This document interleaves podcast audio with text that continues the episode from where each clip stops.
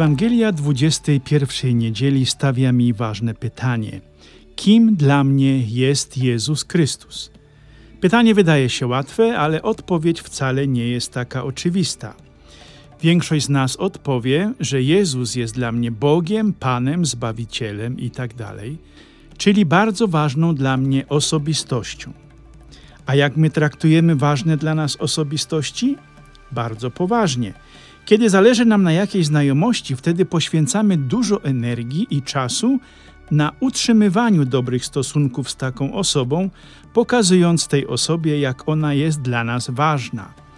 Ale skoro Bóg jest dla nas taki ważny, to ile z naszego cennego czasu okazujemy Bogu, jak bardzo jest dla nas ważny? To tylko jeden z tematów naszego życia, które dotyka dzisiejsza Ewangelia. Zapraszam do najnowszego podcastu, gdzie podzielę się z Wami myślami o tym, kim dla mnie jest Jezus. Opowiem Wam też o tak zwanej władzy kluczy, czyli podstawowym tekście biblijnym odnoszącym się do sakramentu spowiedzi i sakramentu małżeństwa. Zapraszam do podcastu Ja. Mhm.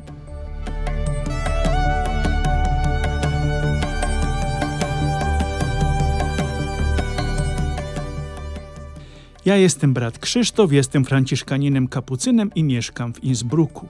Od dwóch lat nagrywam podcast pod nazwą Ja mhm, w którym znajdziecie informacje na temat niedzielnych czytań czy życia misyjnego na Madagaskarze i w Indonezji. Moje podcasty znajdziecie na serwerze podbin.com lub innych serwerach streamingowych. Wystarczy wpisać w wyszukiwarce nazwę podcast Ja mhm, i w każdą sobotę od godziny 12 znajdziecie nowy podcast. Serdecznie Was zapraszam.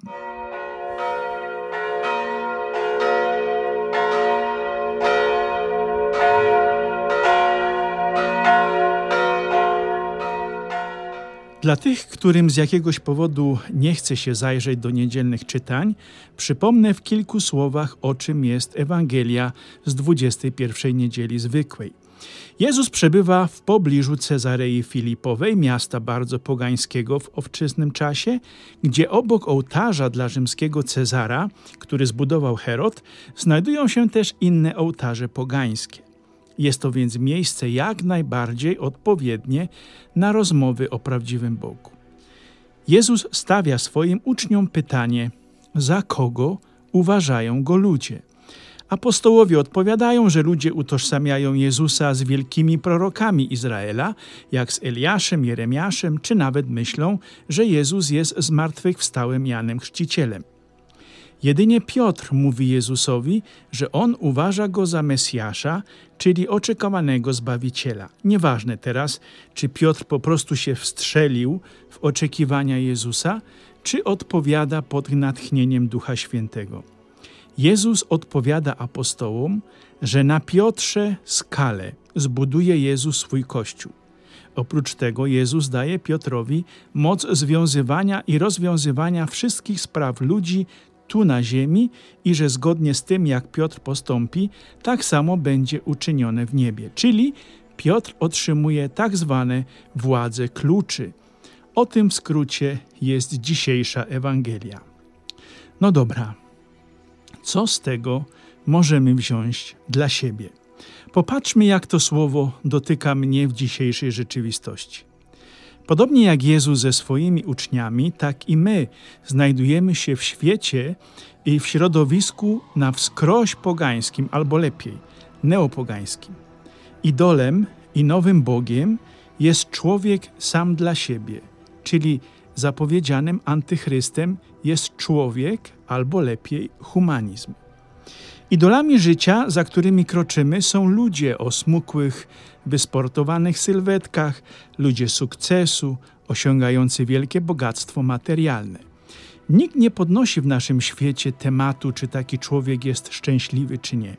Najważniejsze, że w społeczeństwie tutaj na Ziemi masz wielkie znaczenie i wpływ na innych ludzi, ale tylko w ramach tej Ziemi i tej teraźniejszości. Powstaje coraz więcej ołtarzy dla nowej religii zwanej ekologią czy klimatem. To nowe warianty biblijnego bożka Baala lub Asztery dla których Izrael zdradzał Boga Jahwe. Tak dosłownie bezprzenośni. Baale i Aszery mają się dzisiaj bardzo dobrze. I oto dzisiaj w takiej rzeczywistości Jezus stawia mi pytanie: kim ja dla ciebie jestem? I co odpowiesz? Czy powiesz jak Piotr, Panie, Ty jesteś Mesjaszem? Myślę, że raczej tak. Tylko uwaga. Piotr niby odpowiedział prawidłowo, ale nie bardzo wiedział, co to znaczy, że Jezus jest Mesjaszem. Potem trzy razy z obawy o swoje życie Piotr zaprzeczy, że zna się z Jezusem, a niby nauczyciel z Nazaretu był dla niego taki ważny. Dla mnie też Bóg jest niby ważny, ale ważniejsze są pieniądze, władza, zdrowy tryb życia, którego celem jest nie poprawa samego życia, ale pragnienie wydłużenia tego życia. Oto kolejny Bożek dzisiejszego świata pragnienie długiego życia. Ale niestety nam chodzi tylko o życie tu na ziemi i najlepiej w luksusach, bez chorób, bez cierpienia. Jeśli chcesz zobaczyć, jak bardzo Jezus jest dla ciebie ważny, to zrób sobie statystykę. Ile czasu i zabiegu i zabiegów poświęcasz dla swojego ciała, dla swoich przyjemności, a ile na kontakt z Bogiem. Zawsze mówisz, że nie masz czasu się modlić, bo masz tyle zajęć. Czyli nie masz czasu na rozmowę z Twoim Bogiem, który jest osobą żywą i chce z Tobą dialogować. Bóg nie jest ideą, ideologią czy przedmiotem, jak na przykład ekologia czy klimatologia. Bóg jest żywą osobą i jak nie modlisz się, to nie rozmawiasz z Nim. Jak z Nim nie rozmawiasz, to jak utrzymujesz z Nim kontakt? Jak możesz Go poznawać coraz bardziej i bardziej? Wyobrażasz sobie wspólnotę ludzi, która ze sobą nie rozmawia? Ja bardzo łatwo mogę sobie wyobrazić, bo taką mam u siebie w Innsbrucku. A teraz z innej strony. Jednym z fundamentalnych punktów Twojego życia jest letni urlop. Najlepiej nad morzem w Chorwacji, we Włoszech, a coraz częściej nawet zwykłych ludzi stać na wakacje w krajach egzotycznych. Nic w tym złego, jeżeli w tym swoim czasie wakacji oddzieliłeś też czas na rekolekcję, czyli odbudowę Twoich relacji duchowych z Twoim Bogiem, którego uważasz przecież za ważnego dla swojego życia. Wielu ludzi uważa Boga za ważnego na tyle, na ile jest On gwarancją, uwaga, gwarancją ich udanego pogańskiego życia. Oni nawet się modlą często, na przykład o dobrą pogodę na koniec tygodnia, by pójść w góry albo pojeździć na elektrycznym rowerze. Nie mam czasu pójść do kościoła, ale w góry tak, bo trzeba dbać o Bożka zdrowie życie. Przecież Bóg jest wszędzie, nie? Słuchajcie, minęło 20 wieków chrześcijaństwa, a ludzie dalej nie rozumieją, że Kościół to żywa wspólnota ludzi i że idąc do Kościoła, idę właśnie do tej żywej wspólnoty, którą zwołuje sam Jezus, bo greckie słowo eklezja znaczy Kościół, ale żywy Kościół, a nie budynek.